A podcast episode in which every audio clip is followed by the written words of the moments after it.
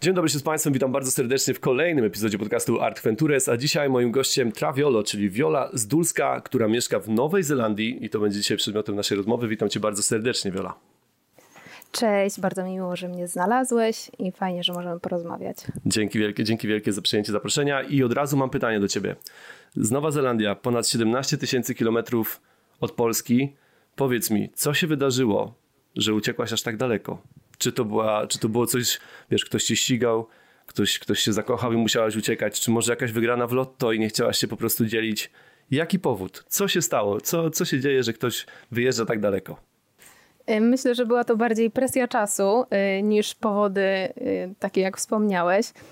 Do Nowej Zelandii na wizie Working Holiday można wjechać mając poniżej 31 lat, więc e, to było bardzo blisko. E, prowadziłam swoją firmę, musiałam podjąć jakieś decyzje i stanęło na tym, że Nowa Zelandia będzie e, miejscem, do którego polecimy sobie na rok. I ten rok, z tego co wiem, przedłużył się trochę. Ile już, ile już, total, ile już ogólnie siedzicie tam razem mm, czasu przez, przez wiadomo jaką sytuację na świecie? E, tak, przedłużył się. Jesteśmy tutaj już ponad dwa lata. E, no, niestety miało to też wpływ na to, e, miała sytuacja, która jest na świecie. Mhm. Gdyby nie to, pewnie bylibyśmy w Australii, ale no jest jak jest i też jest fajnie. A, a można się w ogóle teraz wydostać z Nowej Zelandii, czy tam po prostu trzymają ludzi, jak człowiek przyjdzie na lotnisko, to mówią, nie, nie, nie, jeszcze nie, jeszcze zamknięte wszystko, jeszcze nie wolno wyjeżdżać? E, w naszej można? sytuacji e, my nie jesteśmy obywatelami ani rezydentami, więc wyjechać możemy w każdej chwili, ale jest to bilet w jedną stronę. E, obywatele i rezydenci mogą starać się o takie pozwolenie na wylot, ale to też mogą uzyskać takie pozwolenie tylko w jakichś ważnych sprawach, czy to służbowych, czy, czy politycznych na przykład, ale zwykły obywatel nie może wyjechać z Nowej Zelandii, nie licząc Australii. Dlatego, że Nowa Zelandia... Z Australią. Tak, tak? Tak, z Australią jest taki korytarz, y, bańka stworzona, w której można przemieszczać się między tymi dwoma państwami. No właśnie, bo Nowa Zelandia miała najbardziej chyba restrykcyjne podejście do, do całej sytuacji z, z liczbą 19 związaną. E, oni, tak. byli tam, oni tam byli bardzo mocno zamknięci, ale też mieli 100 dni bez jakiegokolwiek przypadku więc no, skutecznie, skutecznie sobie ten problem rozwiązali. Skutecznie. Ja nawet y, myślę, że to 100 dni to i tak nie oddaje y, tego, jak naprawdę tutaj y, żyliśmy, bo gdyby nie pierwsze trzy tygodnie, które było no, taki prawdziwy lockdown, gdzie było zalecane nieopuszczanie mieszkań, mhm. to byśmy praktycznie, gdyby nie informacje, to prawdopodobnie nawet nie dowiedzielibyśmy się, że jest jakaś sytuacja na świecie taka jaką? Jaka była. E, to, też jest, to też jest ciekawa sprawa, dlatego że Nowa Zelandia mieszkańców ma ponad 4 miliony, nie? Właściwie tylko 4 e, miliony. Prawie 5. Prawie 5. Tak. A jednocześnie jest, jest całkiem sporym obszarowo krajem. Jak wygląda, mm. jak wygląda tam zagęszczenie ludzi generalnie? To jest y, miasta, wioski. Pytam dlatego, że wiesz, mieszkając na Islandii, bo dzisiaj znowu nagrywamy też, ta, ta rozmowa też odbywa się na odległość cały czas. Tak. E, mieszkając, mieszkając na Islandii, no tutaj 350 tysięcy osób, z czego 200 240, 250 mieszka w, w rejonie stołecznym, tutaj w Reykjaviku i okolicach. Więc, ta, więc to rozłożenie ludności na pozostałej części wyspy jest no, znikome. Drugie największe miasto ma 20 tysięcy mieszkańców, więc ten przeskok jest potężny. E, a ciekawi mnie właśnie, jak to wygląda w przypadku Nowej Zelandii. Tak, właśnie jest tutaj też e, podobnie, e, jak mówisz, z, Islandią, to podobnie jest tutaj w Nowej Zelandii. Jedna trzecia ludności mieści się w regionie tutaj Auckland czyli e, reszta wysp jest praktycznie e, przez wiele, wiele kilometrów można jechać i nie zobaczyć żywej duszy. I powiedz mi jeszcze właśnie, bo kiedy, kiedy robi się tam, bo też są popularne oczywiście te wycieczki samochodowe, typowe takie road tripy, jak wygląda... Najpopularniejsza. No właśnie, jak, jak wygląda sytuacja z... Bo tutaj mm, znowu jest takie też zawsze ostrzeżenie, że kiedy wyjeżdża się na przykład w takie rejony jak, jak fiordy zachodnie, które są bardzo mało zaludnione, e, to jest zawsze informacja dla kierowców, żeby tankowali na każdej możliwej stacji, dlatego że odległości między tymi stacjami są po prostu duże i może się to skończyć tak, że no, człowiek poczeka sobie chwilę, aż ktoś się pojawi i go, i go z sytuacji bez paliwa uratuje. E, jak to wygląda, jak to wygląda właśnie tam? Czy, czy też y, jest taki problem z, z tymi odległościami, trzeba o tym pamiętać, czy może mają to jakoś lepiej rozwiązane? E, myślę, że jest to trochę lepiej rozwiązane. Na pewno właśnie e, w regionie tutaj Fiordlandu e, też jest taka informacja, ponieważ to jest droga chyba ponad 100 kilometrów i na tej odległości nie ma stacji. Ale mhm. poza tym raczej z tankowaniem nie ma problemu. Są malutkie wioski, gdzie, gdzie te stacje się znajdują, także, także z tym nie było nigdy żadnych kłopotów. No właśnie, tutaj mam kolejne zapytanie, dlatego że e, znowu obserwowałem Twojego Instagrama. E, bardzo zresztą polecam. Na koniec, na koniec podamy wszystkie tutaj e, dane, gdzie można, gdzie można wiole znaleźć. Jako, jako, jako, właśnie, jako właśnie Traviolo. I tam na tych relacjach wyróżnionych zauważyłem, że Nowa Zelandia jest bardzo fajnie przygotowana pod tym względem, że są takie różne miejsca, w których właśnie można się odświeżyć, e, gdzie są różniejsze informacje turystyczne, e, gdzie można podładować swoje, swój telefon, czy, czy po prostu inny, inny ekwipunek, który jest, jest tam, wiadomo, potrzebne są baterie, żeby były naładowane. Mm, I, I bardzo ciekawie to wygląda. Teraz mam tylko zapytanie, czy, czy one są w jakiś sposób płatne, czy, czy to jest tak, że jest dostępne dla wszystkich? Na jakich, na jakich zasadach to wszystko tam funkcjonuje? Tak, infrastruktura tutaj e, pod względem van life'u jest niesamowita i naprawdę myślę, że ciężko o drugą taką na świecie. E, jeśli chcemy zrobić to po kosztach, jak najbardziej jesteśmy w stanie e, spać za darmo, nie płacąc za noclegi, za kempingi. Mm, łazienki są również wszystkie darmowe. Podładować się możemy albo w punktach informacji turystycznej albo wiadomo w restauracjach, w McDonaldzie na przykład. E, więc jeśli chcemy zrobić to po kosztach, to naprawdę się da. E, a jeśli chcemy tak e, lekko pozwolić sobie na odrobinę luksusu, możemy mm, drobne, drobne dolary wrzucić na przykład do skrzyneczki, które znajdują się przy, przy takich mm, standardem y, lepszych, gdzie na przykład jest bieżąca woda, y, mhm. polach kempingowych i wtedy, wtedy mamy ten standard lekko wyższy. Chociaż no właśnie, nieraz właśnie... to nie ma aż takiej wielkiej różnicy. Tutaj mam kolejne zapytanie, bo te opłaty są jakoś ustalone, czy to są po prostu opłaty dobrowolne? Bo mówisz, że są skrzyneczki, w które można wrzucić, to teraz moje zapytanie jest takie, czy, czy tam jest ustalone, są ustalone stawki, czy po prostu działa to na zasadzie takiej ludzkiej, wiesz, uczciwości, że ktoś się pojawia, no to i korzysta z tego, to rzeczywiście jakieś tam pieniążki wrzuci. Tak, to zależy od y, kempingu. Y, najczęściej takie właśnie y, skrzyneczki zaufania, jak ja to nazywam, są w miejscach takich z dala od większych miejscowości czy wiosek. Dlatego, dlatego właśnie stoją takie puszki, gdzie zależy od kempingu. Płaci się za osobę albo za samochód. I to jest z góry ustalona na tym kempingu kwota. Przeważnie jest to 8 dolarów za osobę. Okej, okay, no i tutaj właśnie łączy mi, się, łączy, mi się, łączy mi się kolejne pytanie. E, gdybyś mogła tak nam powiedzieć, zdradzić e, mniej więcej taki tygodniowy, może lekko ponad tydzień, e, wycieczka taka właśnie, taka objazdówka, albo z drugiej strony inaczej, zapytam jeszcze inaczej. Według ciebie, jaka ilość czasu, mhm. jaka, jaka, ile dni po prostu sugerowałabyś, żeby sobie szykować tak na Nową Zelandię, żeby rzeczywiście żeby udało się chociaż te główne punkty mm, takie najciekawsze odwiedzić. To, to ile, ile, ile urlopów korpo trzeba sobie przygotować na to, żeby, żeby móc tam się pojawić, rzeczywiście powiedzieć, że się zobaczyło trochę tej Nowej Zelandii? No wiesz co, ja jakbym leciała na drugi koniec świata i miała tak e, do dyspozycji właśnie określony jakiś e, czas, to mhm. wybrałabym jednak ten miesiąc, no takie trzy tygodnie, nie mniej, bo jednak może zostać taki niedosyt. Nowa Zelandia jest długa. Powierzchniowo jest trochę mniejsza niż Polska, ale jest bardzo długa i drogi są kręte, więc to wszystko zajmuje sporo czasu, żeby dojechać z miejsca w miejsce. Na mapie może się wydawać, że jest to mała odległość, ale jednak te drogi nie są autostradami i schodzi jednak z dojazdem. Do tego Nowa Zelandia jest też y, dość kapryśna, jeśli chodzi o pogodę i często, często można spotkać deszcz, czy takie różne historie, więc lepiej sobie, y, jak mamy możliwość, to te trzy tygodnie minimum poświęcić na Nową Zelandię. Okej, okay, a teraz w takim razie pytanie dodatkowe.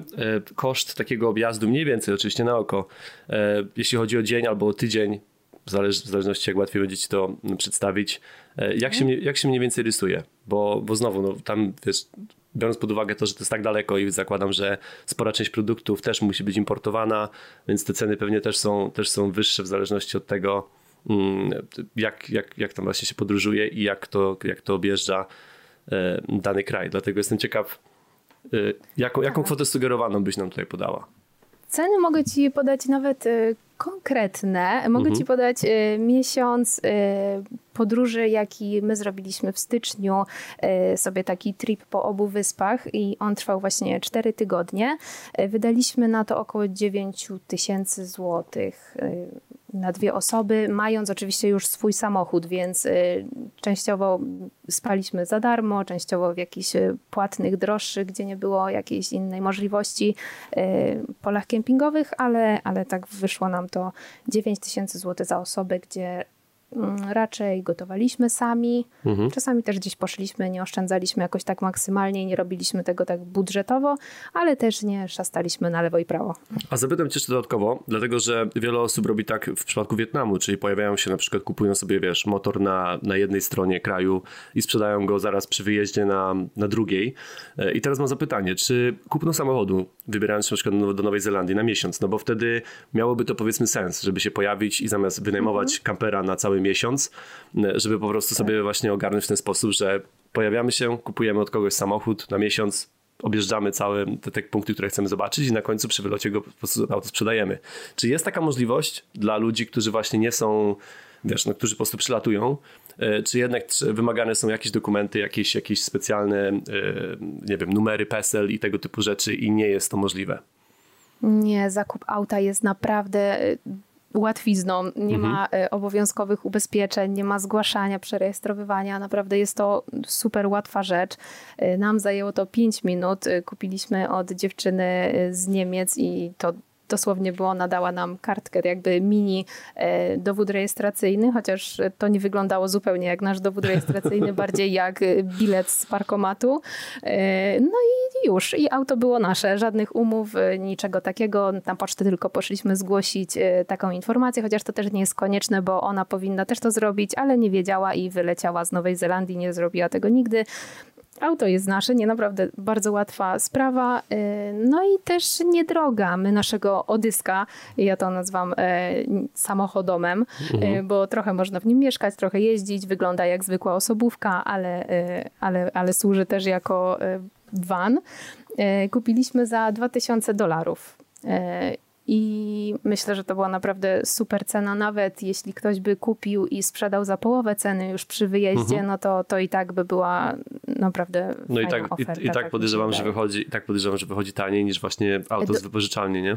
Tak, tak, tak. Nowo, nowozelandzkich dolarów, czyli 2,70 za jednego dolara, nie amerykańskich dolarów. A, a, widzisz, tak, to czyli to jeszcze, jeszcze, jeszcze korzystniej. Je, jeszcze korzystniej, no właśnie, miałem powiedzieć, tak. że pierwsze, pierwsze, pierwsze wrażenie mogło być takie 2000, to a tak, tutaj, no, a tutaj w amerykańskich dolar, dolarach mogłoby to gorzej e, wyjść, ale w nowozelandzkich naprawdę Jasne. myślę, że to jest fajne. Dobrze, dwa lata, e, jesteś tam ze, ze swoim chłopakiem. Tak. E, pytanie mam. Największe, największe rzeczy, które cię zaskoczyły w Nowej Zelandii? Was, mm, was no w sumie, było, bo to było, tego, było tego trochę na początku. Yy, tak. Na pewno to, że y, standardowym, oprócz standardowego obuwia, y, równie popularne są y, gumofilce albo chodzenie na boso. czy to do sklepu, czy to do banku, czy to do restauracji może się znaleźć osoba i w tym, i w tym.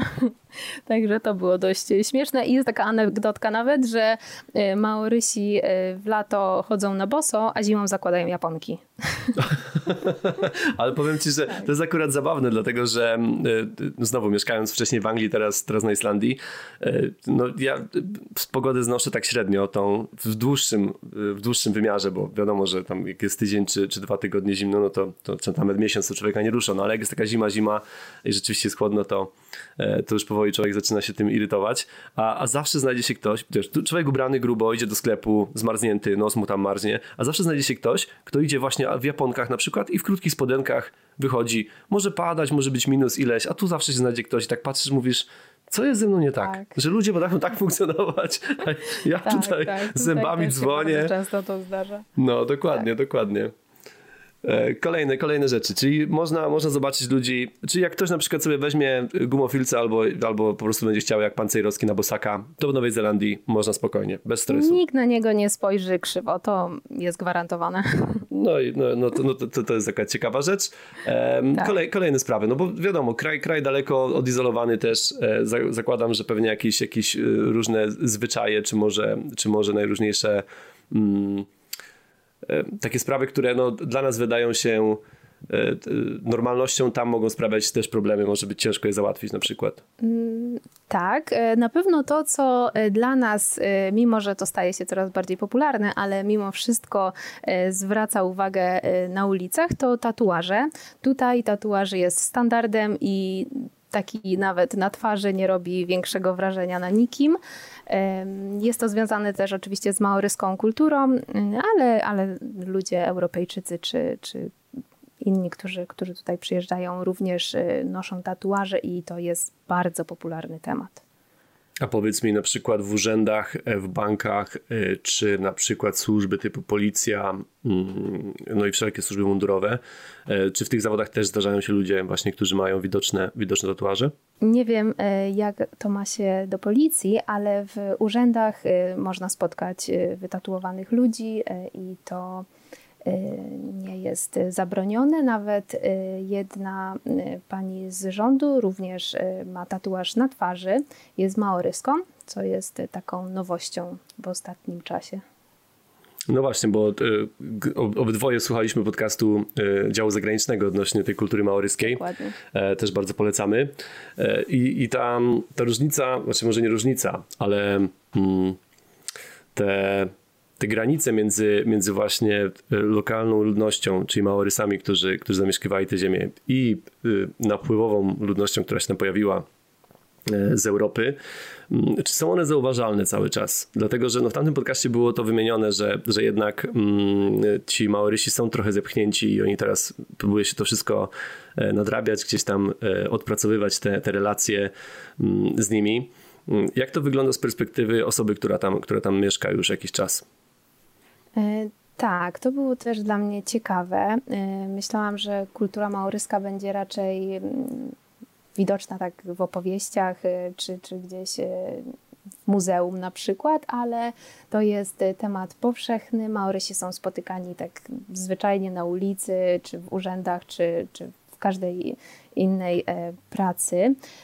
Myślę, że właśnie sytuacja, która była w przeszłości i gdzie Maorysi jednak y, odnieśli pewne szkody, y, jest teraz im rekompensowana i przez to mm, ta kultura jest rozpowszechniana. Bardzo często można zobaczyć tablice informacyjne czy, y, czy wszelkie informacje w języku maoryskim. Maoryski język jest również językiem urzędowym.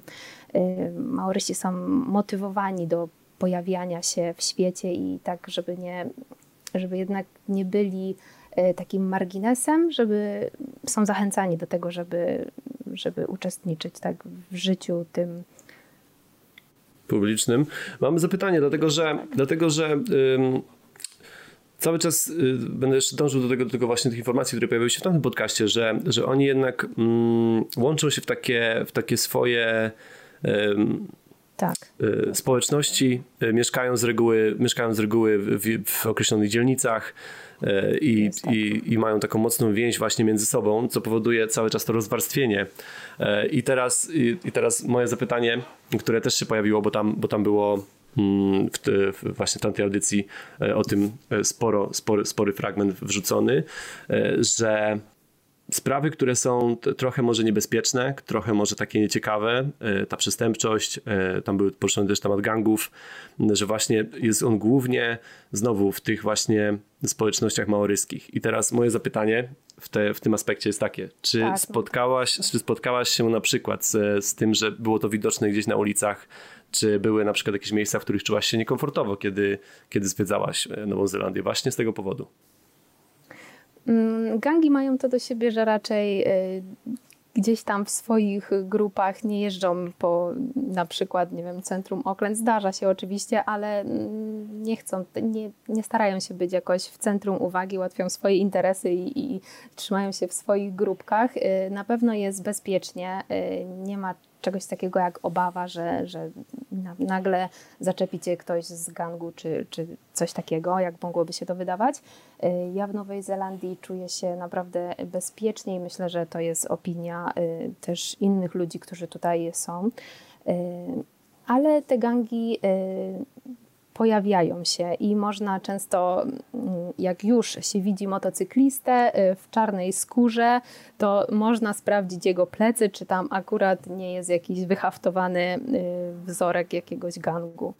To się zdarza, ale tak, żeby ktoś zwykły człowiek został jakoś poszkodowany przez, y, przez taką osobę, to raczej się nie zdarza. Oni jakieś porachunki między sobą y, mają, ale tak y, zwykłych ludzi się nie czepiają. Okej, okay. E, czyli generalnie jeśli chodzi o, o, o, takie sprawy typowo związane gdzieś tam z przestępczością, czy z tym, e, czy można po prostu z aparatem biegać po ulicach e, na Islandii, to nie ma, na Islandii, na Nowej Zelandii, to nie ma, nie ma z tym żadnego, nie ma, nie ma żadnego problemu. problemu. Okej. Okay. Ja też wiele, wiele razy sama y, gdzieś jechałam i spałam sama w samochodzie i nawet przez y, minutę nie miałam jakichś obaw czy, czy jakiegoś stresu z tym związanego. Okej. Okay. Jakieś, w takim razie jakieś nieprzyjemne doświadczenia z Nową Zelandią, czy nie, nie zdarzyły się i, i, i, i naprawdę jest y, ta opinia, która krąży po świecie, że Nowa Zelandia jest taką, taką spokojną, bezpieczną, E, mie, mie, takim miejscem na świecie jest, jest w 100% no, potwierdzone. jest, wiem, że cię zasmuca, ale trochę jest, tak. zasmucę? Dlaczego? że spodziewałeś się jakichś smaczków. Smaczki mogę ci e, dać z innych e, moich podróży, takie mhm. mniej bezpieczne, ale w Nowej Zelandii naprawdę no ciężko o takie rzeczy nieprzyjemne, tym bardziej, że ludzie są tutaj naprawdę tak otwarci, mhm. że nie spotkałam się z czymś takim jeszcze i myślę, że no, o coś nieprzyjemnego w Nowej Zelandii ciężko, nawet jeśli są jakieś problemy urzędowe czy, czy jakieś takie w takim stylu, to naprawdę ludzie są pomocni i y, robią wszystko, żeby ci pomóc. No nie wygląda to jak nasze urzędy na przykład. Rozumiem, rozumiem. No to, to, to jest, chociaż powiem ci, że akurat w Polsce też ja zauważam tą zmianę zmianę na plus. Co prawda trwało na, trwało, na, trwało, na, trwało na trochę, ale, ale fakt jest taki, że rzeczywiście, bo tutaj na Islandii jest podobnie, jeśli chodzi o, o pracę właśnie wszystkich tych struktur urzędowych, e, że, że to nastawienie E, jest, jest e, trochę inne, rzeczywiście bardziej życzliwe i można, i tak. można załatwić. Często nie mając pojęcia o danej sprawie, idąc do urzędu, nie spotyka się człowiek z tym, że powinien się być, być, być przygotowanym, pomoc, tylko właśnie. Dokładnie, dokładnie, dokładnie. Dobrze. Życie w dalekim kraju, bardzo daleko. Powiedz mi, kiedy się wyjeżdża tak daleko, zastanawia mnie, całe przepracowanie całego procesu obaw i gdzieś tam jakichś stresów na zasadzie, no wiesz, to nie jest, to nie jest takie miejsce, z którego y, Ryanerem się zablokuje szybko bilet na drugi dzień, jeżeli coś nie wyjdzie i sobie, sobie człowiek wróci. Y, na stopa też się stamtąd nie wróci raczej. Mm, jak, jak trzeba sobie poukładać rzeczy w głowie, y, żeby, żeby pojechać tam bez większego stresu? Mm, to mnie ciekawi, dlatego że no ja też sporo jeżdżę, też sporo wyjeżdżam, e, ale zawsze w głowie mam to, że w którymś miejscu na świecie może, może się wydarzyć e, sprawa, znaczy sprawa, mogę po prostu dostać wiadomości z Polski, które będą miały mnie bardzo szybko ściągać do kraju, mm, bo na przykład stanie się e, coś z, nie wiem, z moją rodziną czy, czy, czy z moimi przyjaciółmi. I, I właśnie mam do Ciebie zapytanie, jak to wygląda wyjeżdżając tak daleko, no bo wiesz, że nawet najszybsza podróż z powrotem zajmuje pewnie około dnia minimum, nie? Bo to są pewnie dwa loty. Tak, no, około 20 godzin. Tak. No właśnie, no właśnie. Dobre e, połączenie. Więc, e, więc jak, jak człowiek sobie radzi z taką, z taką ilością, wiesz, jak się podejmuje taką odważną decyzję? To mnie ciekawi. Myślę, że nie brałam pod uwagę, nie rozmyślałam, co będzie, jak stanie się coś złego, bo mhm. to byłaby i tak zła sytuacja i, i nie ma co rozmyślać nad tym. Myślę, że też nie miałam za dużo czasu na takie zastanawianie się, jak to będzie tam, bo na głowie miałam e, przekonanie Michała, o którym już tutaj wspomniałeś, e, żeby chciał ze mną polecieć, bo on był dość sceptycznie nastawiony do tego wyjazdu i nie chciał rujnować swojego życia, które zbudował sobie w Polsce. Mhm. Żartuję oczywiście, ale e, no nie był nastawiony tak optymistycznie do tego y, i było to założenie takie, że dobra, jedziemy na trzy miesiące, nie więcej i zobaczymy, mhm. co, będzie, co będzie dalej. Oczywiście ja w głowie miałam, że będzie to dłużej niż trzy miesiące, ale żeby y, przekonać go i żeby jakoś y, dać radę z tym, no to musiałam mówić, że jak najbardziej opcja powrotu po trzech miesiącach jest. Jest, jest w planach. E, no właśnie tak. tutaj, tutaj na moment odbiję, odbiję o Nowej Zelandii, a zapytam cię e, z ciekawości, jak wygląda, jak wygląda podróżowanie e, z drugą połówką? Jak to, jak to wygląda u was? Jak, jak to ogarniasz? Kto jest, kto jest mózgiem operacji, kogo trzeba namawiać, kto później, kto później jest częścią logistyczną, czyli, czyli wiesz, załatwia wszystkie sprawy i, i jest na przykład duszą towarzystwa. Jak to, jak to wszystko u was wygląda? No na pewno dużo łatwiej jest, gdy dwie osoby mają tą samą pasję. U nas niestety ona się rozjechała. Y, Michał jest mocno w piłce nożnej, y, ja jestem w podróżach. No i jakoś gdzieś tam to musimy y, łączyć, czasami bezboleśnie, czasami jednak to boli. Mhm. I tak było na przykład w przypadku właśnie tego wyjazdu do Nowej Zelandii. Nie było to naprawdę łatwe, bo na głowie miałam, tak jak już wspomniałam, firmę, którą musiałam pozamykać, poza załatwiać wszystkie sprawy. Musiałam zorganizować tutaj przylot i tak jakby zapewnić nam to, że będziemy tutaj, że sobie jakoś damy radę, bo przyjechaliśmy na no, z niczym tak naprawdę, bez y, jakiegokolwiek miejsca do mieszkania, bez pracy, bez samochodu, bez, bez niczego na drugi koniec świata, więc to nie było łatwe. No i musiałam decyzje. to tak, no, no na dodatek wszystko było na mojej głowie, no bo, no bo ja, mi zależało na tym, żeby żeby się przenieść, więc y, no to była dość, e, dość spora akcja, tyle że w bardzo krótkim e, czasie się to odbywało, więc wszystko na sterydach. Człowiek, człowiek nie miał czasu zastanawiać się, gdyby, a co by było tak, gdyby, tak, gdyby się coś nie udało? Gdybym miała dłuższy czas i musiała się zastanawiać, to tak, to na pewno byłabym bardziej przerażona tym wszystkim. No dobrze, no ale w takim razie zapytanie mam jeszcze takie. Zdradzisz nam może jakieś triki, jak namówić osobę, która nie jest, e, no ja też pytam już przyszłościowo względem siebie, bo może, może kiedyś mi się tak przytrafi, że, że mhm. akurat wiesz, no wiadomo, uczucia nie wybierają e, tak. I, I, będę musiał mocno pracować na to, aby kogoś namawiać, aby, aby właśnie jakąś, jakąś niewiastę namawiać do tego, e, żeby chciała ze mną jeździć. I, I tutaj mam zapytanie, czy są jakieś triki? Czy masz jakieś sprawdzone sposoby na to,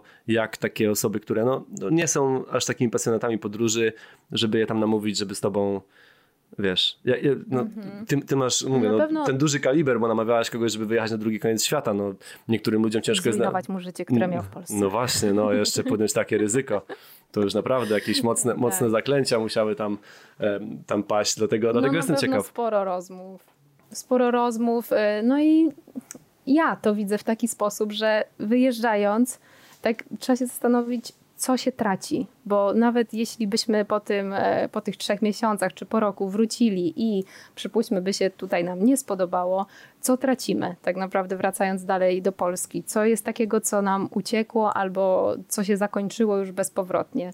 A takich rzeczy okazało się, że nie ma zbyt dużo, no bo do wszystkiego można wrócić i wszystko można sobie od nowa zorganizować w Polsce, bo wiadomo, w Polsce dużo łatwiej niż e, wrócić gdzieś na drugi koniec świata i od nowa to budować. Mhm. A... Tak, nie wiem, czy, nie wiem, czy dobrze to wytłumaczyłam, o co mi chodzi. Tak, tak, oczywiście. E, a powiedz mi jeszcze z, z nastawieniem i, z, i z, z, takim humorem podczas wyjazdów, no bo jeżeli namawiasz kogoś, to już mówię już tak bardziej, kiedy robiliście najróżniejsze wycieczki, wiesz, typu właśnie te road tripy i tak dalej. Tak. Mm, Wiesz, ja mam ten duży komfort, kiedy podróżuję samemu, że wszystko jest zależne ode mnie. Jakby kiedy wstaję, mam zły humor, to mam zły humor dla siebie i po prostu wiem, że tego dnia, nie wiem, muszę sobie wypić mocniejszą kawę albo, albo po prostu dać sobie na luz e, tak. i po prostu odpocząć. E, ale nie, jednocześnie nie ma, nie ma nikt ani nic do końca na mnie wpływu z zewnątrz. Jakby no, wszystko jest zależne tylko od tego, e, co zrobię. Mm. E, znowu, w waszym przypadku, kiedy podróżujesz dwie osoby, no i też nie możesz tych osób się gdzieś pozbyć na trasie. To nie jest tak, że wiesz, jak tam marudzą, to je wysadzisz i powiesz, dobra, to widzimy się za miesiąc na, na chacie. No, na może chacie. i wiesz. Jak, jak, wyglądają, jak wyglądają takie sprawy? Bo zakładam, że no, to nie jest też e, takie taka różowa, różowe podróżowanie, że każdy dzień jest po prostu wspaniałą przygodą i jest ojejku, o ja, No o wow. nie, nie. Nie jesteśmy przykładem Insta Couple, niestety. No właśnie. Więc, więc jak, jak, to, tak. jak to wygląda w drodze? E, na zasadzie po prostu, nie wiem, uznajesz, że dobrze jest bić prętem po piętach, bo nie zostają ślady i potem już jest grzeczny, czy na przykład mówisz, że nie rozmawiacie ze sobą przez najbliższe 12 godzin, wiesz, wyciszacie się na przykład i jedziecie w ciszy, czy jednak rzeczywiście rozmowy, mm, masz zawsze schowane gdzieś tam jakąś butelkę wina albo czekoladki i mówisz, chodź, będzie fajnie, nie, nie bądź zły. Jak, jak to wygląda? No, jak wygląda takie praca? Podróże to jest to, co, e, co mnie nakręca i motywuje i zawsze nastraja pozytywnie, więc e, nawet jak widzę jakąś krzywą minę gdzieś tam z boku, mhm. to staram się, żeby mi się to nie udzielało i robię swoje, no ale jednak na pewno fajnie by było, gdyby działało to w ten sposób, że jedno nakręca drugie i to się tak nam kręci, że w dołku podnosi mnie do góry, tak jak to słyszymy nieraz z różnych opowieści. Y, no właśnie, opo opowieści. To, to, jest do, to, jest do, to jest dobre określenie. Te, te, różne opowieści to mi się właśnie zawsze najbardziej podoba. Te różne tak, opowieści. Tak, no niestety w naszym życiu nie jest aż tak kolorowo jak y, na Instagramie. Y, no tak to, no, jak myślę, Dobra. tak jak w każdym życiu. To mam do tego już ostatnie pytanie. Czy był, tak. był, był jakiś taki, wiesz, turbokryzys na przykład, na zasadzie, że e, no, była złość, e, właśnie było to, że albo, albo on, albo ty, zostawiam, wyjeżdżam już, wracaj sobie sama, albo wracaj sobie sam, na, na trasie, czy, czy, czy jednak mimo wszystko macie już tak mocno wypracowane te wszystkie swoje, wiesz, e, e, rzeczy między sobą, że zawsze, zawsze mniejszymi, mniejszymi różnymi ruchami da się to, to gdzieś tam, wiesz, rozbić i, i naprawić. Tak. Czy był taki, no. bo, bo myślę, wydaje mi się, że największym obawą właśnie wielu par, jeśli chodzi o takie wyjeżdżanie, bo, no bo znowu słucha, słucha tego podcastu też trochę osób, które chciałyby namówić swoją drugą połówkę na wyjazd, E, jest właśnie to, że zostaną postawieni w pewnym momencie na trasie, e, czy gdzieś w podróży, właśnie w, takim, w takiej sytuacji, że ktoś powie, ja już mam tego dosyć. I wiesz, pakują się i wracają. I teraz e, jestem ciekaw, czy mieliście taką sytuację? Czy, czy, czy na przykład jednak już wypracowane wcześniej przez, przez, przez w wyniku różnych właśnie doświadczeń i waszej relacji już mieliście wypracowane takie narzędzia, które pozwalały wam na to, że, że w drodze już raczej się takie, takie mocne kryzysy nie przytrafiały? Mm, uśmiecham się teraz dość mocno, bo pewnie jakby nagrywać tak całe nasze wyjazdy, to zdarzyłoby się takich sytuacji sporo. Ale jakoś, no jakoś dojechaliśmy po każdej tej wyprawie we dwójkę, więc, e, więc dało radę. Były jakieś różne, e, różne kryzysy. Na pewno e, jedną z fajniejszych sytuacji było to, jak wyjeżdżaliśmy to jest dość skomplikowana sytuacja, ale mieliśmy opuszczać już Nową Zelandię, mhm. E, bo Michał miał ofertę z Australii. Mhm. E, no i, i to była też dość e, ekstremalna sytuacja pod względem i emocji, i braku decyzji, i takiego niezorganizowania, bo mieliśmy już tam zapewnione miejsce, Michał miał zapewnione miejsce pracy, miejsce wstępnego zatrzymania się.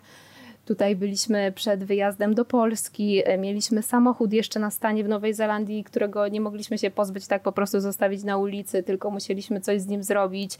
E, dodatkowo e, w, tych, w tym samym okresie czasu Michał dostał ofertę, że będzie, że może pracować w Nowej Zelandii, że ma kontrakt. Najgorzej, najgorzej jak za dużo totalny, ofert. No. Totalny bałagan w naszych głowach, nie wiedzieliśmy mhm. w ogóle w którą stronę iść, co robić ze sobą, a na podjęcie decyzji były dosłownie godziny, bo samolot był i była taka sytuacja, że e, zostawiłam Michała już na lotnisku, bo miał e, polecieć właśnie do Australii. Mhm. I dalej nie wiedzieliśmy, co, co, co robić ze sobą, bo on miał polecieć, już tam miał umówione spotkanie, tu dostał telefon, ja zostałam w Nowej Zelandii. No i tak się to skończyło, że y, po dwóch godzinach byliśmy razem w samochodzie, Michał zabrał bagaż z taśmy i wrócił do samochodu i kontynuowaliśmy nasz, y, nasz road trip. Po prostu historia jak z filmu, jednak nie odleciał, został. Trochę było, trochę było, tak. Znaczy, to było ustalone wcześniej, że, że on miał polecieć, y, ale tak do końca nie wiedzieliśmy i to działo się się naprawdę no, widzisz, w no, ekspresowym no, tempie. Nie? Trochę, trochę cię musi lubić, no. Trochę cię musi no, lubić. No jakoś że... coś tam no, przyleciał że na ten drugi koniec świata, nie? Ale jest, tak, ale jest tak, że wspólne podróżowanie jest bardzo dobrym testem dla relacji, nie?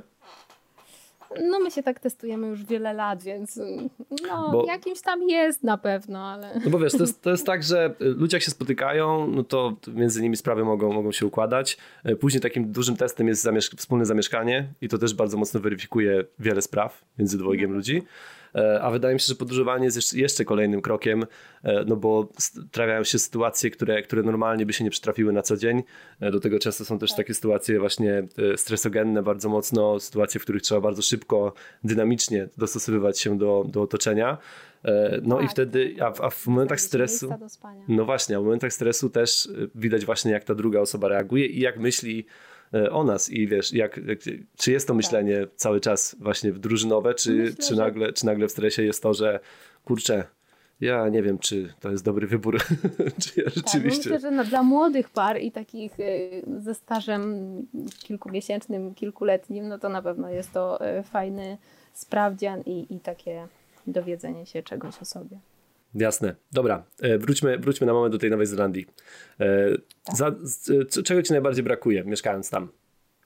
I to już nie mówię nawet, nie mówię, nie, nie mówię już nawet odnośnie e, wiesz, Polski, tylko ogólnie odnośnie świata, dlatego że znowu, mieszkając na wyspie też, co prawda no tutaj po drugim końcu, na drugim końcu świata, no ale nie wiem, kwestia na przykład zakupów jest dla mnie bardzo mocno problematyczna, kwestia tego, co tu jest dostępne na rynku, jest, jest gdzieś tam rzeczą, która, która irytuje człowieka. Mm, kwestia właśnie tak jak teraz w tych czasach, kiedy, kiedy to podróżowanie jest ograniczone, tutaj jest ograniczone jeszcze bardziej, no bo, bo wiadomo, jest to wyspa, mm, więc mam pytanie właśnie, czego, czego wam brakuje najbardziej mieszkając w Nowej Zelandii? Języka polskiego. Mało Polaków? I no nie ma praktycznie wcale. Jedyne mhm. co to właśnie przez telefon y, można porozmawiać, a tak to no kiepsko. Myślę, że y, w Auckland, jeśli w, w, tym największym mieście, jeśli ktoś mieszka, to jest w stanie spotkać jakąś tam małą grupkę Polaków, ale, ale jest to naprawdę bardzo rzadkie.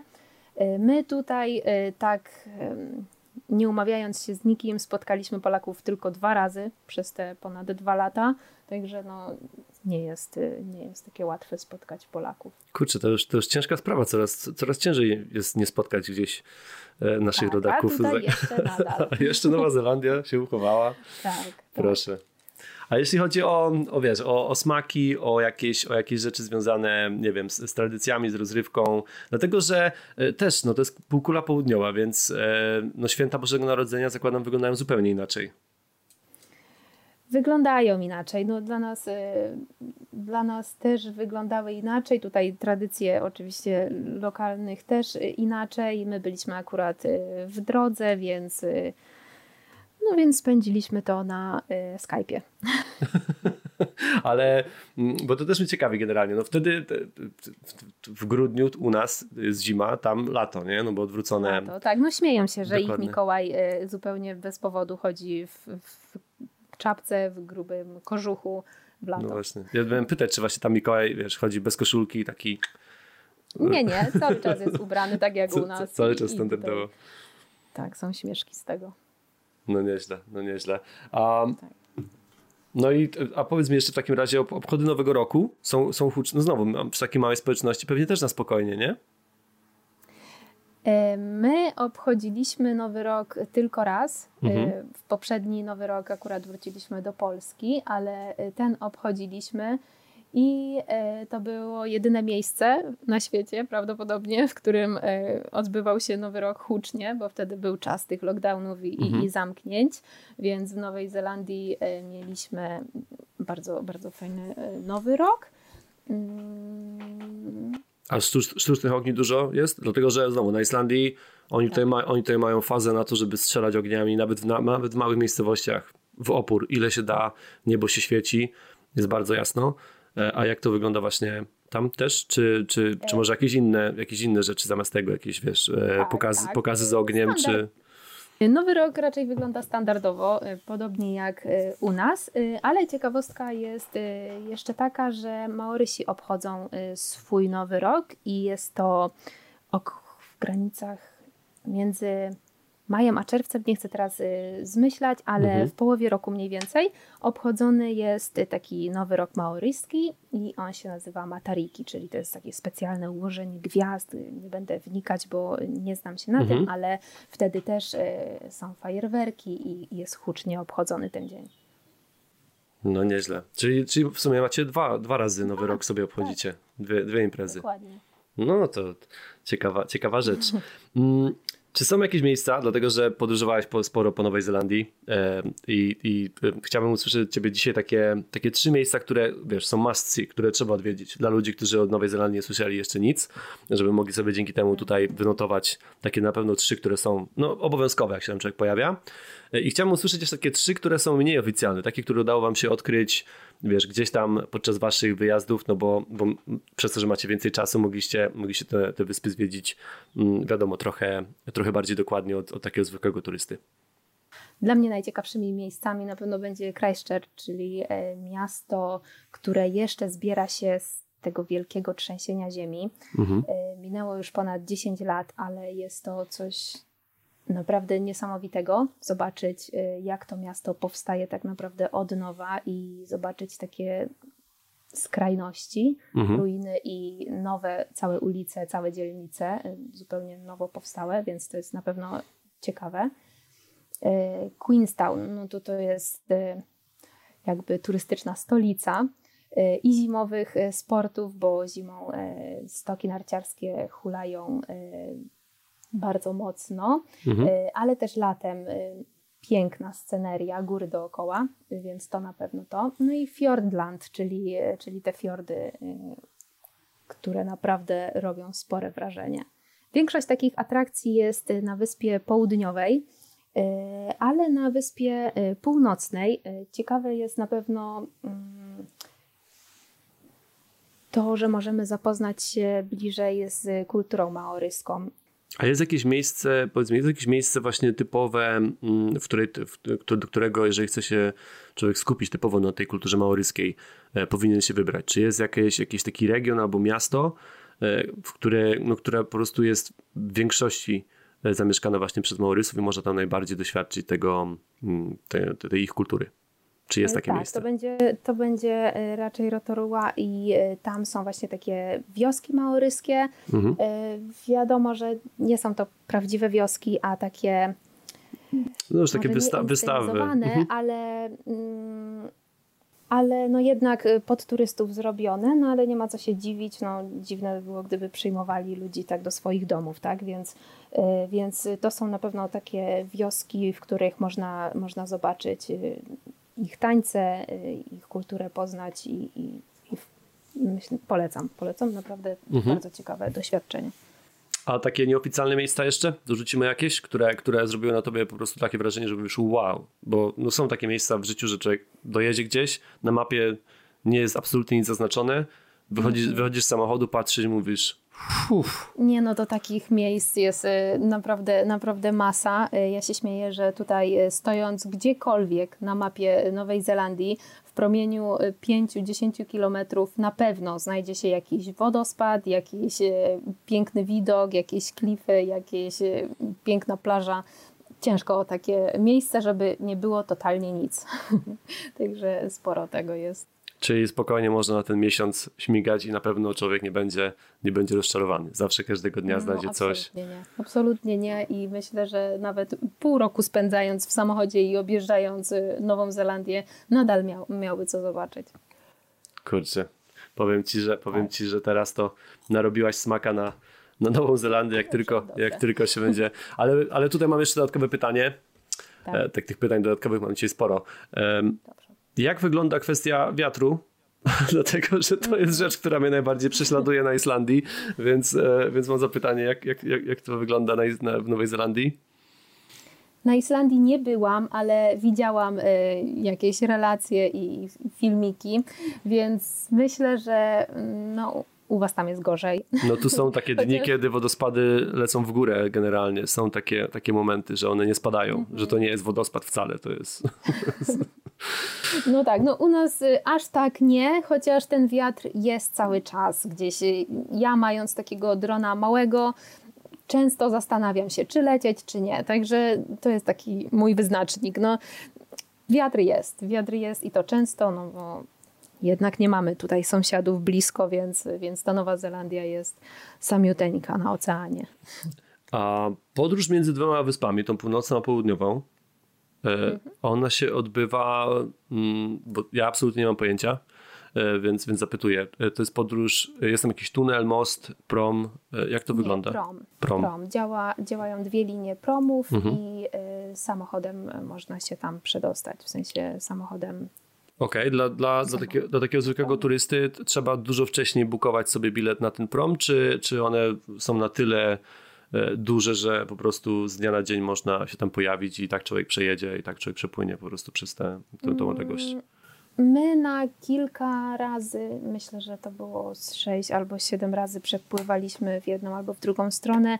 Mhm. Y, Raz mieliśmy problem i to było w, czasie, tak, w sezonie takim mocno y, letnim, y, więc, więc wtedy był problem, ale to po prostu nie było na rano, tylko na wieczór jeden, no i w droższej cenie, ale myślę, że nie ma jakiegoś Nie będzie większego problemu. z promami. A jeszcze pora roku, w jakiej najlepiej odwiedzić, w jakiej najlepiej się wybrać, jeżeli chodzi właśnie o pogodę i, i tak, żeby po prostu nie być spakowanym, znaczy spakowanym, ciężko też powiedzieć, żeby było aż tam aż takie oblężenie turystów. Spakować i tak trzeba turystów. na zimno, na ciepło, na wiatr, y, na wszystko. Mhm, ale, ale tak, e, sezon taki najbardziej turystyczny, przepakowany turystami, bo, bo, bo o to mi bardziej chodziło, e, to, to jaki, jakie to są miesiące, jakie to są tygodnie? Mm, Dla wyspy południowej na pewno też zima, bo wiadomo, stoki y, są tam też y, taką główną atrakcją, jeśli chodzi o zimę, czyli nasze polskie lato. Okej, Y, A taki sezon turystyczny. y, Nowa Zelandia nie jest jakoś mocno skrajna w temperatury, więc on się tak zaczyna naszą jesienią, później zima i wiosna. No okej. tak No, mówisz, że, mówisz, mówisz, że nie są skrajne, skrajne w temperatury, ale tutaj odnoszę się znowu do, do twojego Instagrama. Mm, Jak tam, jest, jak tam jest z ogrzewaniem w domach? No kiepsko. kiepsko. No właśnie, właśnie. Domy totalnie nie są ogrzewane, nie są ocieplane, nie ma centralnego y, ogrzewania. Y, I właśnie mówię, że nie jest skrajna, bo tak jak na przykład jesteśmy tutaj y, na samym czubku Nowej Zelandii, czyli mm, na północy, temperatury spadają zimą y, tak do 10 stopni, nie Okej. niżej, więc to jest taka zima, a te domy też nie są ogrzewane, no bo jednak nie ma minusowych temperatur, więc, y, więc chyba dlatego nie są ogrzewane zupełnie. Okej, a ty, tutaj jeszcze dojdzie mi kolejne pytanie, no bo wtedy rozumiem, że za, za ogrzewanie no nie płacisz, nie ma tych kosztów. Czy są jakieś rzeczy, które, które zaskoczyły cię swoją ceną, na, że po prostu no była ona jakby nieadekwatna do tego, e, do, do jakby do warunków, które widzisz dookoła? Czy było coś takiego, co było po prostu, no nie wiem, turbo drogie i mówisz sobie, wow, dlaczego to jest akurat tutaj takim produktem luksusowym, gdzie normalnie powiedzmy na, na świecie czy w Europie jest to jakby normalna rzecz w, w takiej zwykłej cenie? Myślę, że żadna taka konkretna rzecz, ale na pewno elektronika czy, czy takie sprzęty mm, domowe Mhm.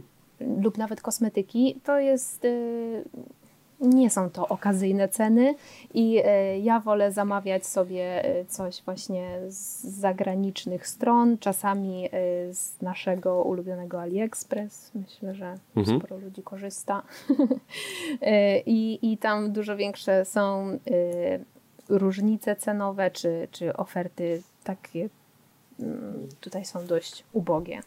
Ograniczony jest tutaj dostęp do takich rzeczy, no i, i ceny też nie są okazyjne. Okej. Dobra, na koniec mam jeszcze, e, bo to też podsyłałem ci już wcześniej, trzy historie bym chciał od ciebie usłyszeć. Już nie, nie tylko związane z Nową Zelandią, ale ogólnie z podróży, no bo tych podróży też sporo już zrobiłaś w swoim życiu. Dzisiaj akurat sku- skupiliśmy się na Nowej Zelandii, ale, ale odbijając na moment od niej, e, trzy historie. E, Jedną radosną, e, wesołą, jedną chciałbym niebezpieczną usłyszeć, jeżeli się jakaś pojawiła i jakąś jedną smutną lub poważną dla takiego, wiesz, ja zawsze, zawsze taką trójkę wrzucam wśród ludzi, którzy podróżują, e, bo myślę, że to jest zawsze ciekawe, ciekawa rzecz dla ludzi, którzy chcą zacząć podróżowanie, aby, aby właśnie tego typu historie usłyszeć. E, No taka śmieszna, która przychodzi mi e, na myśl i to jest śmieszna na pograniczu z niewiarygodną. Okej. E, To jest, to jest wtedy, kiedy byliśmy na work and travel w Stanach i czekaliśmy na samolot. Byliśmy dużo wcześniej na lotnisku. Przyjechaliśmy, żeby się nie spóźnić, czekaliśmy. Przysnęło nam się i w międzyczasie...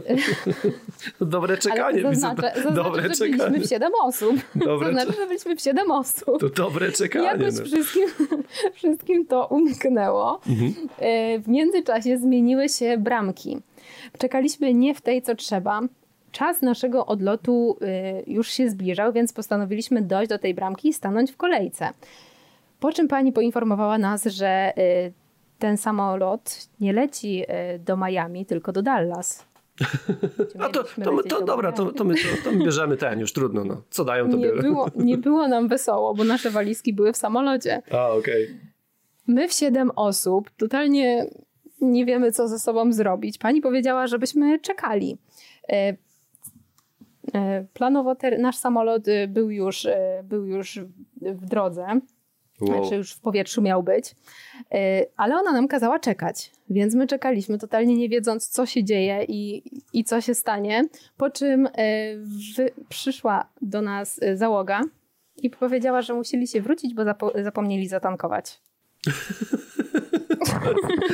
I to jest, i to jest coś, co opowiadam e, to osobom, i nikt mi raczej w to nie wierzy, no bo to taka dość dziwna sytuacja. Zapomnieć, Było pół godziny po czasie, pół godziny po czasie, ale mam to nagrane, więc y, jakby ktoś chciał, y, to mam potwierdzenie na to. zapomnieć to zatankować samolotu, to trzeba być, to już trzeba być zdolnym, żeby zapomnieć zatankować akurat taką ale maszynę. Ale ja nie wiem, czy to była ich wymówka, czy to, y, nie mam pojęcia, co się wtedy stało. Nam powiedzieli, że zapomnieli zatankować, a już y, ruszyli y, z pasa, tak jakby mhm. nie byli w powietrzu, ale byli gdzieś już kołowali. Gdzieś na, tak, gdzieś kołowali, czy nie wiem, co się z nimi działo. W każdym razie podjechali po nas tym samolotem. Podjechali po nas y, i my w siódemkę, jak gwiazdy między tymi ludźmi, którzy już siedzieli pół godziny, czy tam godzinę nawet na swoich fotelach, weszliśmy. A nie chcieli sobie z wami robić... się zastanawiali. No właśnie, nie chcieli sobie z wami robić zdjęć? Mówią, kurde, nie wiadomo kto to jest, ale nie róbmy, wiem. bo to, ja to musi być ktoś tak sławny. Szybko. To musi być ktoś sławny, róbmy sobie zdjęcia. Pot, pot, potem ich znajdziemy, potem ich znajdziemy. Ja szłam tak szybko z głową w dół, że chciałam tylko usiąść, żebyśmy tylko byli, mieli pewne to, że siedzimy dalej w samolocie. Ale zapytam cię dodatkowo, znowu dodatkowe pytanie. E, work and travel, polecasz? Tak, jak najbardziej.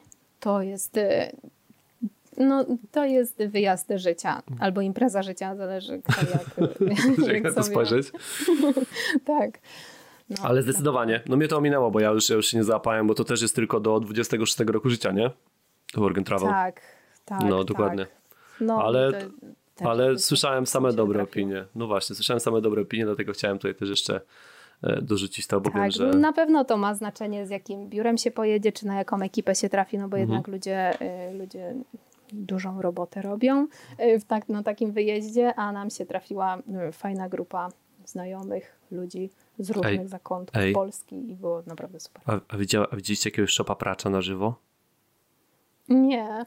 Kurde, ja to powiem ci, Dlaczego że... akurat no, Ja nie wiem, ja, bo ja jestem wielkim fanem shopów praczów generalnie e, i, i zawsze, okay. wiesz, jest masa tych filmów właśnie ze Stanów, gdzie te shopy tam biegają, e, wiadomo, no, nie, naj, najczęściej, najczęściej tam w koszach, bo one są, one są znane z tego, że po prostu żerują na, e, przy tych wszystkich właśnie domach e, ludzi w, w koszach i właśnie... Nas straszyli, że niedźwiedzie przyjdą, żebyśmy chowali kosze.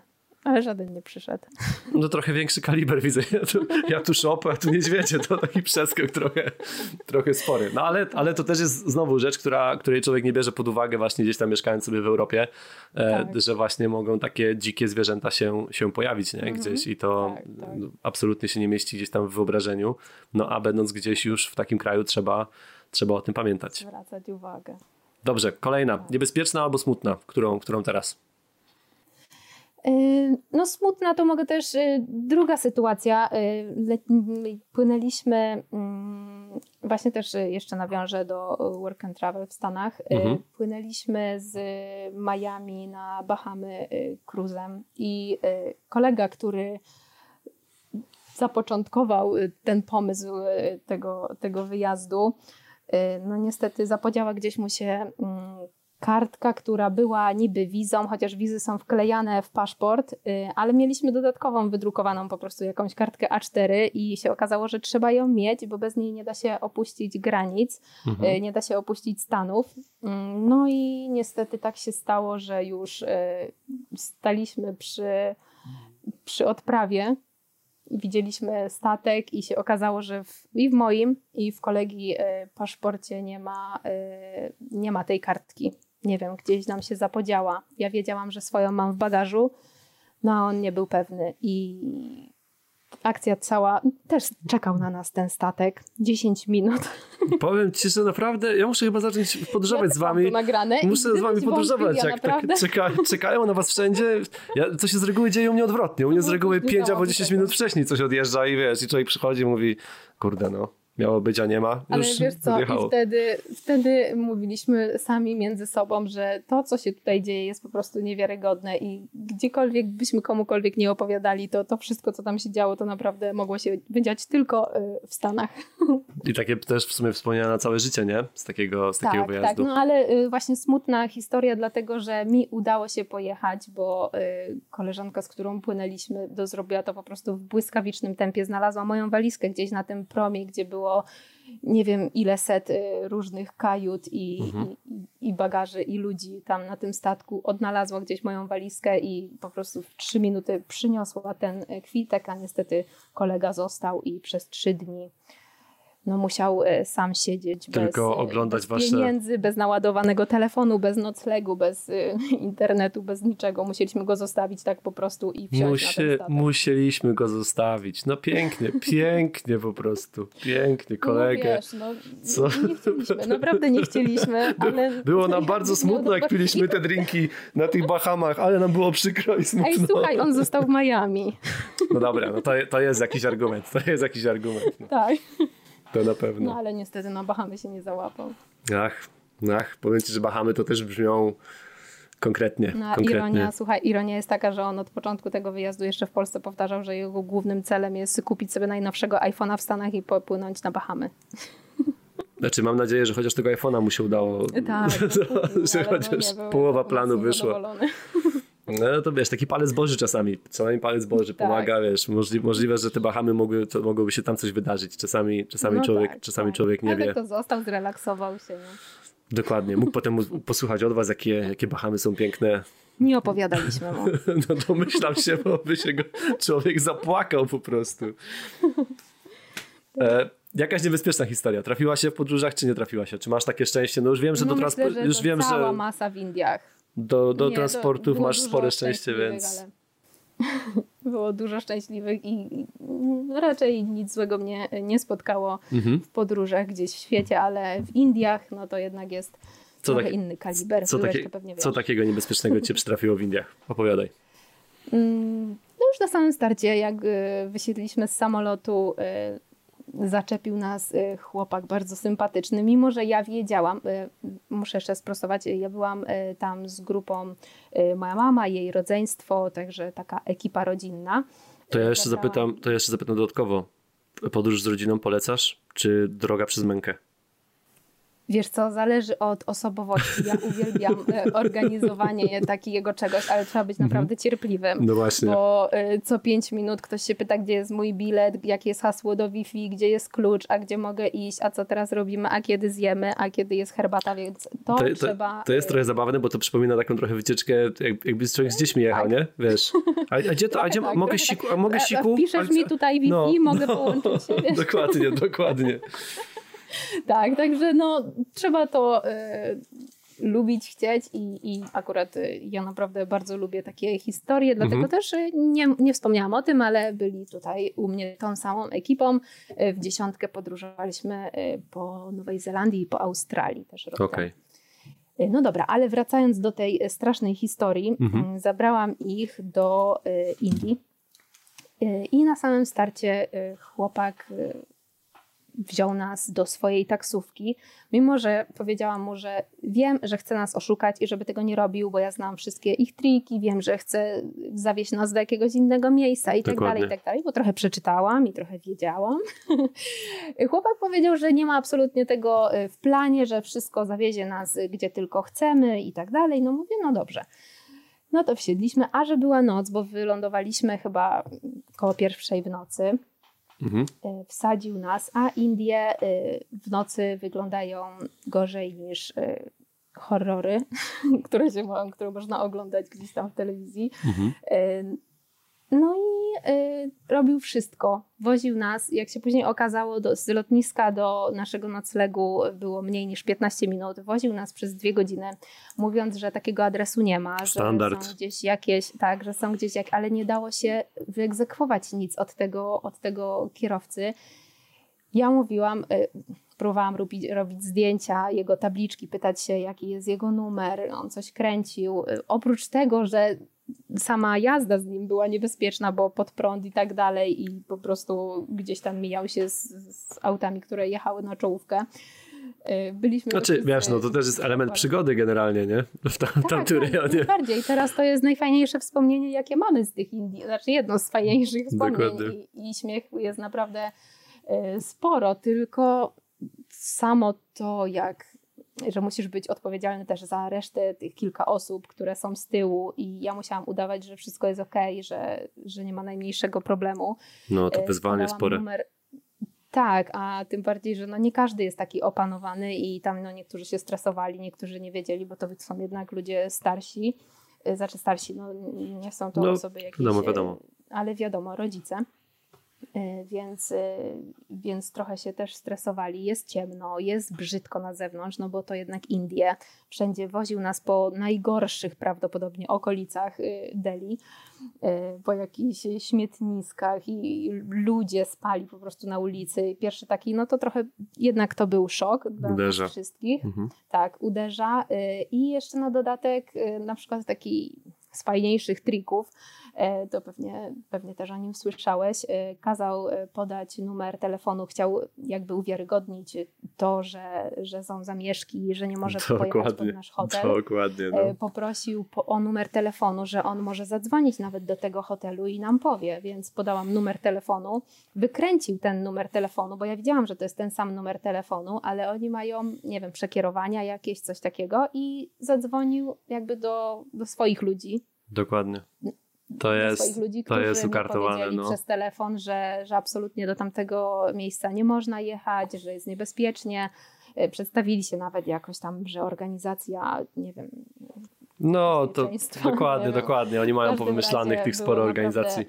Naprawdę, tak, woził nas przez dwie godziny. No Ale finalnie udało się dojechać do tego miejsca, w którym mieliście Finalnie się udało, bo y, ja wzięłam, wykręciłam ze swoich pieniędzy, ze swojej, ze swojej karty, mhm. jeszcze bez żadnych tam pakietów, które mogłam kupić, ale po prostu zadzwoniłam bez względu na koszty, jakie, jakie były tam połączenia z karty polskiej. Zadzwoniłam do tego hotelu y, i się okazało, że wcale do nich nie dzwonił on tam w swoim języku skrzyczał tego naszego kierowcę, delikatnie mówiąc, mhm. i kazał y, podwieźć y, nas w to miejsce. No, z Indiami jest to, że trzeba być przygotowanym już od startu. To jest coś, czego, e, o czym chyba, o czym chyba ludzie są nie, nieprzygotowani, bo znaczy, ja wiem, że to jest tak, człowiek niby jest przygotowany, ale znowu, biorąc pod uwagę te wszystkie inne wyjazdy, masz to, że. Mm, wszystko się dzieje jakby, jest takie lekkie wprowadzenie, no bo pojawiasz się w Tajlandii, pojawiasz się w najróżniejszych innych miejscach, okej, okay, są, ci, są ci goście, którzy będą nam próbowali kiwać i wiesz, będą próbowali mm, oczywiście jakieś no, swoje, swoje, swoje rzeczy, ale to nie jest tak, to nie jest takie tempo i to nie jest takie mm, taka intensywność, jak jest w Indiach. W Indiach już od samego początku, tak mówisz, od momentu wyjścia z samolotu musisz mieć tą gardę wysoko ustawioną, bo tam będzie się to działo już od samego początku. Już tak, ja, się, ale... ja, się dziwię, ja się dziwię, że jeszcze stewardzi, którzy, wie, którzy są na samolocie, że oni już się nie pytają. Nie, nie, ma pan, nie ma pan numeru. No dokładnie, ma, ma, pan jakiś hotel? Może pan hotel by chciał, może, bo ja tu mam, bo mój kuzyn ma tutaj, proszę bardzo. Że tak, to się ale wiesz, co jest takie uderzające, że ja powiedziałam do tego chłopaka, że ja znam ich sztuczki i wiem, że on będzie chciał mnie zawieść i żeby on tego nie robił, o, bo ja jestem świadoma tego. Mhm. I, I on i tak mimo wszystko po prostu nas na siłę trzymał w tym samochodzie, bo w pewnym momencie to już było takie na siłę trzymanie nas no w wiesz, samochodzie, wożenie po nocy. Trzeba żeby... sobie pomyśleć o tym, że jeżeli tam jesteście całą rodziną, jeżeli on ma od danej głowy płacone nawet te, nie wiem, 5 tak. czy 10 dolarów, no to jemu się opłaca jeździć dwie godziny. E, ważne jest tylko to, żeby po prostu tego, tak, tak poradziłaś sobie z tym świetnie, że zachowujesz po prostu zimną głowę, nie panikuje się, człowiek nie, nie ugina się pod strachem i nie mówi, dobra, to już nas zawieź tutaj, bo chcemy tylko stąd wyjść i, bo wiesz, ja podejrzewam, że... że... jeździć w taksówce?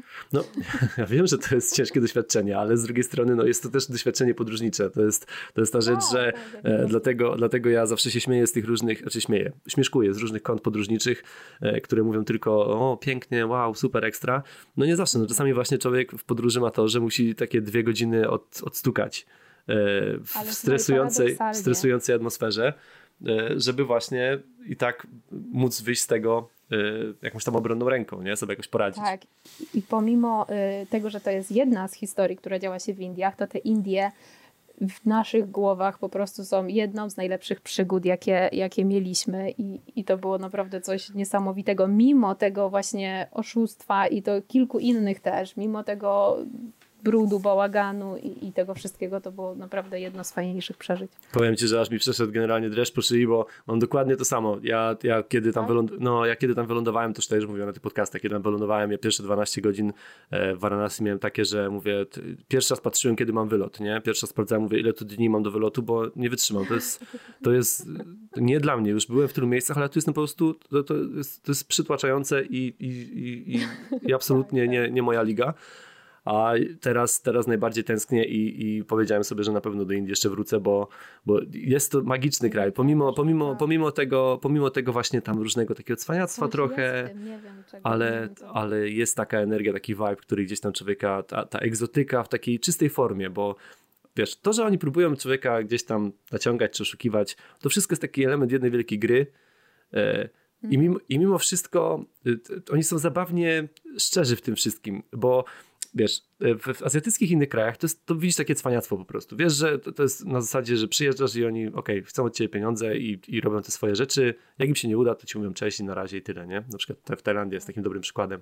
A znowu, a znowu w Indiach to, mówię, oni potrafią, tak jak mówisz, dwie godziny wozić cię po jakichś tam ulicach najróżniejszych, opowiadać ci naj, najróżniejsze historie, że zamieszki, że coś się spaliło, że niebezpiecznie, tak, że... taki no, straszył nas dość mocno. Dokładnie, dokładnie. Tak. Tylko po to, żeby to zrobić, a, a, a, a to jest właśnie element tego całego doświadczenia później, bo człowiek później to wspomina jako taką właśnie interesującą historię tylko, no, znowu, tak, jak, tak jak było tutaj powiedziane, tak, trzeba. każda trzeba wigilia, każde urodziny, każde spotkanie jest e, Indie, Indie, Indie. mimo, że byli właśnie tutaj w Australii, w Nowej Zelandii ze mną, to mimo wszystko te Indie dały nam tyle emocji i tyle różnych takich doznań ekstremalnych, to, to naprawdę są najlepiej wspominane. A jeszcze wpadło mi jedno pytanie e, odnośnie Nowej Zelandii w sumie. Um, turyści, którzy się tam pojawiają, e, jak byś oceniła średnią wieku? Bardziej pojawia się więcej młodszych czy starszych? Dlatego, że wydaje mi się, że Australia i Nowa Zelandia są też takimi kierunkami, które, w których pojawia się właśnie mm, więcej takich, takich starszych turystów. Więcej takich, bo to też są, znowu, są kraje po prostu mniej wymagające, jeśli chodzi o właśnie tą sferę mentalną i o sferę fizyczną. E, kraje do zwiedzenia i właśnie jestem ciekaw, jak to, jak to wygląda, czy zaobserwowałaś na przykład, że jest więcej takich, wiesz, par starszych na przykład, które podróżują, czy, czy jakichś starszych samotnych podróżników, czy, czy nie jest to zauważalne, czy po prostu jest pełen miks?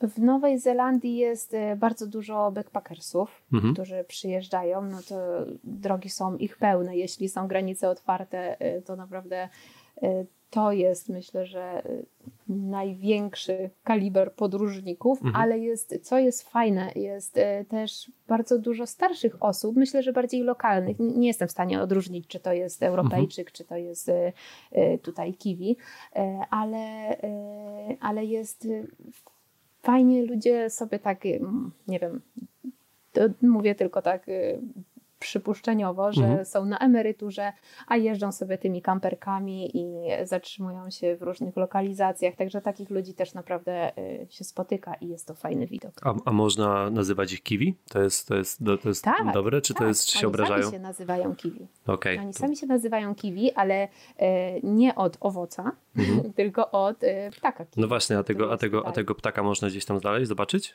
On jest gdzieś, żeby go tak wiesz, poobserwować? No, czy... Nam się nie udało. Mhm. Na pewno e, da się zobaczyć go w różnych tam rezerwatach czy zoo, mhm. ale tak na wolności e, bardzo ciężko, bo on pojawia się o zmierzchu i nocą, także i to w takich jest płochliwy, więc ciężko okay. go zauważyć tak w naturalnym środowisku.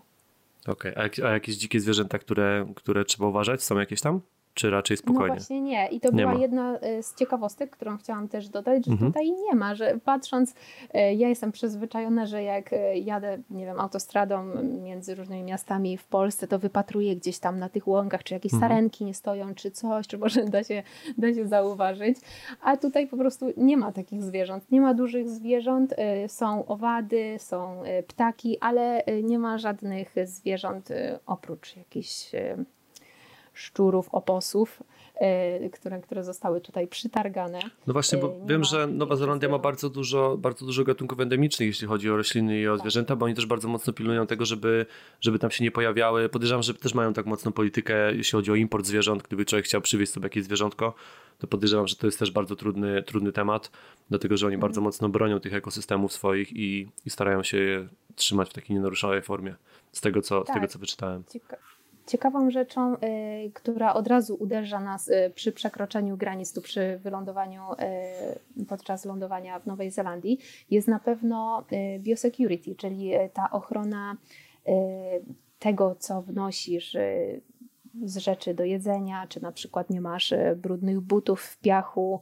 y, jakichś y, trekkingowych, czy twój namiot jest czysty. Takie rzeczy są też sprawdzane. No. Oprócz, od, tak, oprócz takich standard, standardowych kontroli jest też osobna kontrola z Twojego bagażu pod kątem jedzenia, które przenosisz, czy nie przenosisz drewna jakiegoś, czy nie przenosisz na swoich trekkingowych rzeczach, czy kempingowych jakichś śladów z, z, innych, y, z innych części świata. No proszę. A tutaj dodatkowo, no bo Australia niedaleko, y, pająki są duże? Nie ma. Nie ma. Nie Czyli ma. bezpiecznej. Ja jestem, zawsze y, się bardzo mocno nad tym nie zastanawiam, powiem skąd to się wzięło, ale y, jest to takie dość y, ciekawe, że w Australii można spotkać całą gamę tych różnych stworów i mniejszych i większych i jakieś gryzonie, nie gryzonie, No owady, węże, nie? pająki, Węże węże, właśnie, tak.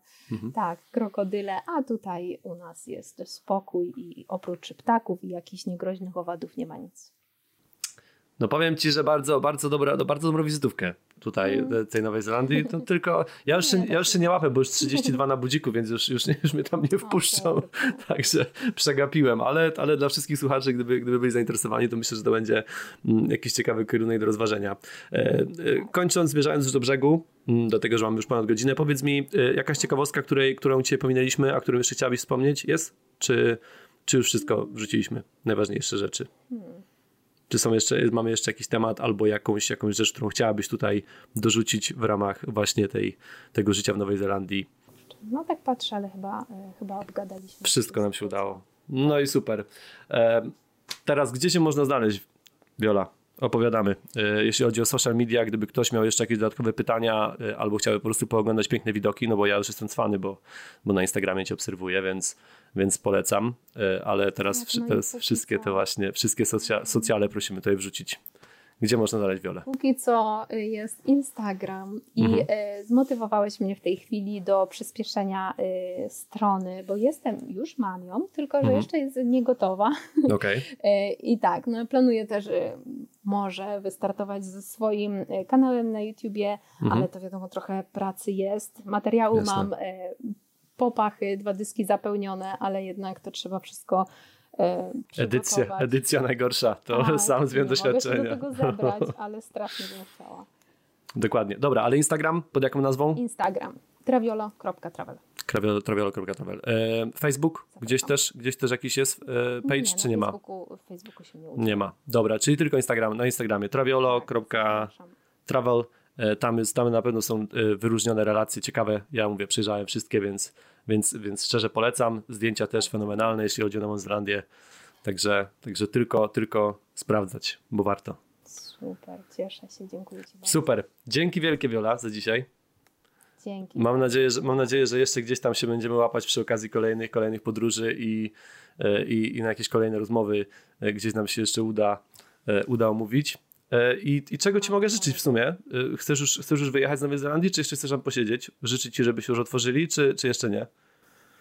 Życz mi, żeby nie popsuła się sytuacja z Australią, żeby była jeszcze ta bańka jak najdłużej, żebyśmy okay. mogli ewentualnie się tam przenieść. Dobra, to życzę Ci, żeby następny, następny kierunek rozumiem Australia. No a już y, najbardziej to życz mi, żebyśmy mogli chociaż na miesiąc polecieć do Polski. To, to jest no. moje największe marzenie podróżnicze. Oj, powiem Ci, że moje też powoli. Moje też powoli. Mm. Mimo tego, że mam trochę łatwiej, ale i tak te kwarantanny tutaj wszystkie są są dobijające. Tak. A jeszcze właśnie tylko kończąc, plan kolejny, Australia? Dalej będzie, tak wspomniałaś, że tą Australię, tak, więc domyślam się, że tak. i Australia na dłużej, czy, czy na chwilę? Nie, podobnie tak jak tutaj, taki Taki... że wyjedziemy na miesiąc, zostaniemy dwa lata, to podobnie. nie, nie.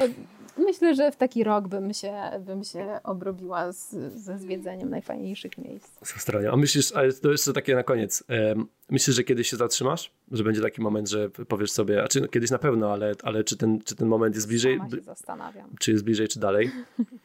Sama się zastanawiam. Nie wiem, czy to jest do zatrzymania, czy to jest do ustawienia sobie życia tak pod kątem tego, żeby dało się to pogodzić e, stabilne życie i podróże. Nie wiem, cały czas nad tym pracuję. No, to jest, to, to, jest, to jest największa rozkmina chyba każdego człowieka, który gdzieś ruszył w takim większym wymiarze. Ciągnie, nie? No, dokładnie, dokładnie. Mm. Dobrze, i tym, i tym, i tym y, takim głębokim jeszcze rozważaniem kończymy dzisiaj. Y, dzięki wielkie za, za wszystkie udostępnienia i podania tego dalej y, razem z Wiolą. Dziękujemy. Bardzo dziękuję. Dzięki wielkie. Do usłyszenia i zawsze z mocą. Cześć.